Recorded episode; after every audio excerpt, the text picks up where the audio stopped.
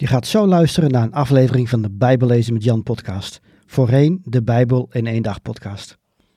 De genoemde links in deze uitzending kunnen verouderd zijn.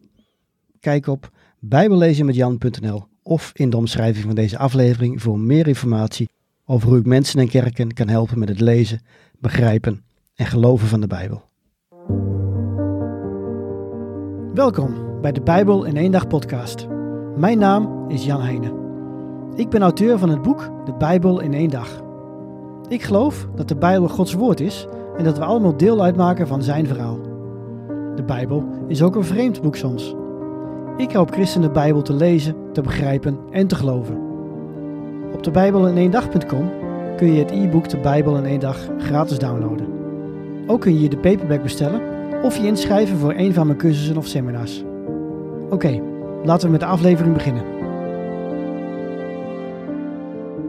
En ik begin met het aanbieden van mijn excuses. Misschien een beetje gek, maar ik zou net de aflevering over Esther gaan opnemen. Toen ik erachter kwam dat ik Rut nog helemaal niet gedaan had. Dus ik ben gauw terug gaan zoeken. Maar het bleek inderdaad dat ik het bijboek Rut gewoon ben vergeten. Maar we kunnen Rut natuurlijk niet helemaal overslaan. En daarom gaan we nu verder met het Bijbelboek Rut. Het is een prachtig verhaal dat begint met Naomi, een vrouw uit Bethlehem die zich vanwege een hongersnood gedwongen voelt om met haar man en twee zonen een tijdje in de vlakte van Moab te gaan wonen. Moab dat ligt in, ergens in het huidige Jordanië. Moab is ook een hele belangrijke naam in dit verhaal. Want de voorvader van de Moabieten was een van de zonen van Abrahams neef Lot, die uit incest waren geboren. De Moabieten waren vijanden van Israël. Ze weigerden hen over hun grondgebied te laten trekken om bij het beloofd land uit te komen. Ook waren het Moabitische vrouwen die Israëlitische mannen verleiden te zondigen, met als gevolg dat 24.000 Israëlieten uiteindelijk stierven. En de Moabieten dienden ook nog eens een keer valse goden. Desondanks trouwen Naomi's zonen met de Moabitische vrouwen. Het duurt echter niet lang voor Naomi's man sterft en ook haar zonen komen om het leven. De Bijbel legt niet uit waaraan deze drie zijn overleden. Maar Naomi besluit om terug te keren naar haar familie in Bethlehem en stuurt haar twee schoondochters weg. Eén van hen, Rut, is echter vastberaden om bij Naomi te blijven. Dit is een teken dat zij de God van Israël volgde en niet de goden van haar stam. De twee weduwen hebben echter twee dingen nodig om te kunnen overleven: voedsel en familie. Zonder voedsel zullen ze sterven en zonder familie zijn ze erg kwetsbaar. Rut blijft Naomi trouw en werkt hard om hen in leven te houden. Ze besluit tijdens het oogstseizoen achter de arbeiders aan te lopen die de oogst binnenhalen en de aren die op de grond vallen op te pikken.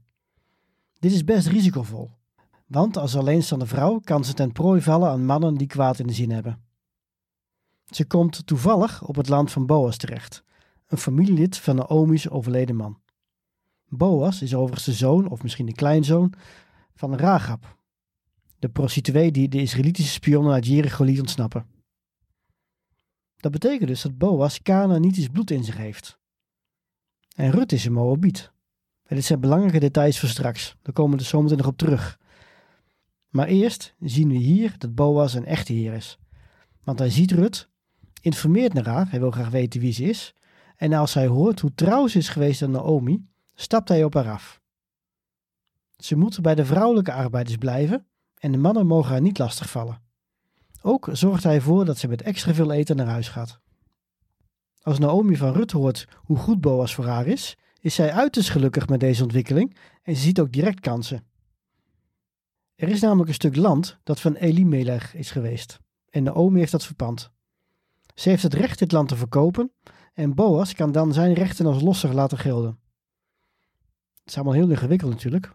Om te weten wat dat betekent, moeten we teruggaan naar de wetten die God via Mozes heeft doorgegeven. Want in Leviticus 25, vers 25 staat: Wanneer een van jullie tot armoede vervalt en een deel van zijn grond moet verpanden, kan zijn losser, zijn naaste verwant, zich aanmelden om het pand voor hem in te lossen. En wat betekent dit nu heel concreet voor Naomi en Rut? Nou, Boas is een naastfamilielid. En hij heeft het recht, volgens de wet van het land, om dat stuk land te kopen. Maar dan moet hij wel voor Naomi zorgen en met Rut trouwen en nakomelingen bij haar verwekken zodat de familienaam in stand blijft. Dit zou dus direct alle problemen oplossen van Naomi en Rut. Het probleem is dat Boas ofwel een gentleman is die zich niets toe wil eigenen, ofwel de volgende stap het verlegenheid niet durft te zetten. Hij onderneemt namelijk geen actie naar Rut toe. En na verloop van tijd raakt Naomi's geduld op en vertelt ze Rut om op niet zo'n subtiele wijze te laten weten dat ze beschikbaar is voor een huwelijk. Ze stuurt Rut s'nachts naar het veld en die gaat aan de voeten van Boas liggen. Hij schrikt wakker en ondanks dat Naomi tegen Rut had gezegd hem het woord te laten voeren, vertelt ze gehaast dat hij hun losser moet worden. Nou, Boas die wil dat wel, maar hij realiseert zich dat een ander familielid eigenlijk de eerste rechten heeft om als losser op te treden. Nu verzint hij zelf een plan. De volgende dag roept Boas het familielid en tien getuigen bij zich. Hij vertelt hem dat Naomi haar land wil verkopen en dat hij het kan krijgen. De man hapt toe. Hij wil het land graag hebben en is best bereid om voor Naomi te zorgen. Prima, zegt Boas tegen hem.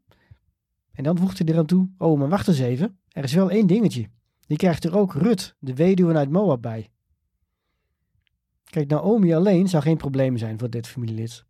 Die zou toch geen kinderen meer krijgen en de man hoeft alleen in haar levensonderhoud te voorzien. Maar Rut, dat was een ander verhaal. Hij was verplicht om met haar kinderen te krijgen, die later weer rechten op de erfenis zouden hebben. Bovendien kwam Rut ook nog eens een keer uit Moab. Moab, moet die man hebben gedacht, dat is toch dat volk dat altijd tegen ons is en waardoor 24.000 Israëlieten stierven? Hij ziet het niet meer zitten en bedankt voor de kans. En Boas grijpt de zijne. Hij koopt het land en mag met Rut trouwen en kinderen met haar krijgen. Zo wordt Boas de losser van Naomi en Rut. En is hij een beeld van de verlosser die later zou komen. Boas lost de problemen van het begin van het verhaal op. Naomi en Rut hadden geen voedsel, geen familie en geen nageslacht. Maar aan het eind van het verhaal hebben ze dat wel. En dat hebben ze gekregen dankzij Boas, die voorziet in voedsel en die je voorziet in de zwangerschap van Rut. Hoewel God voortdurend op de achtergrond aanwezig is bij dit verhaal en de hoofdpersonen het over hem hebben, noemt de schrijver van het boek hem slechts twee keer. In Rut 1:6 als de Heer voorziet in voedsel en in 4:13 als de Heer haar zwanger laat worden. En dit laat dus zien dat God ons geeft wat we nodig hebben. Maar het wordt nog mooier. Er gebeurt namelijk iets wat de mensen die alleen het Oude Testament hadden niet konden overzien. De baby die Boas en Rut krijgen heet Obed. Dat betekent dienaar. Obed is de vader van Isaï, die weer de vader is van koning David.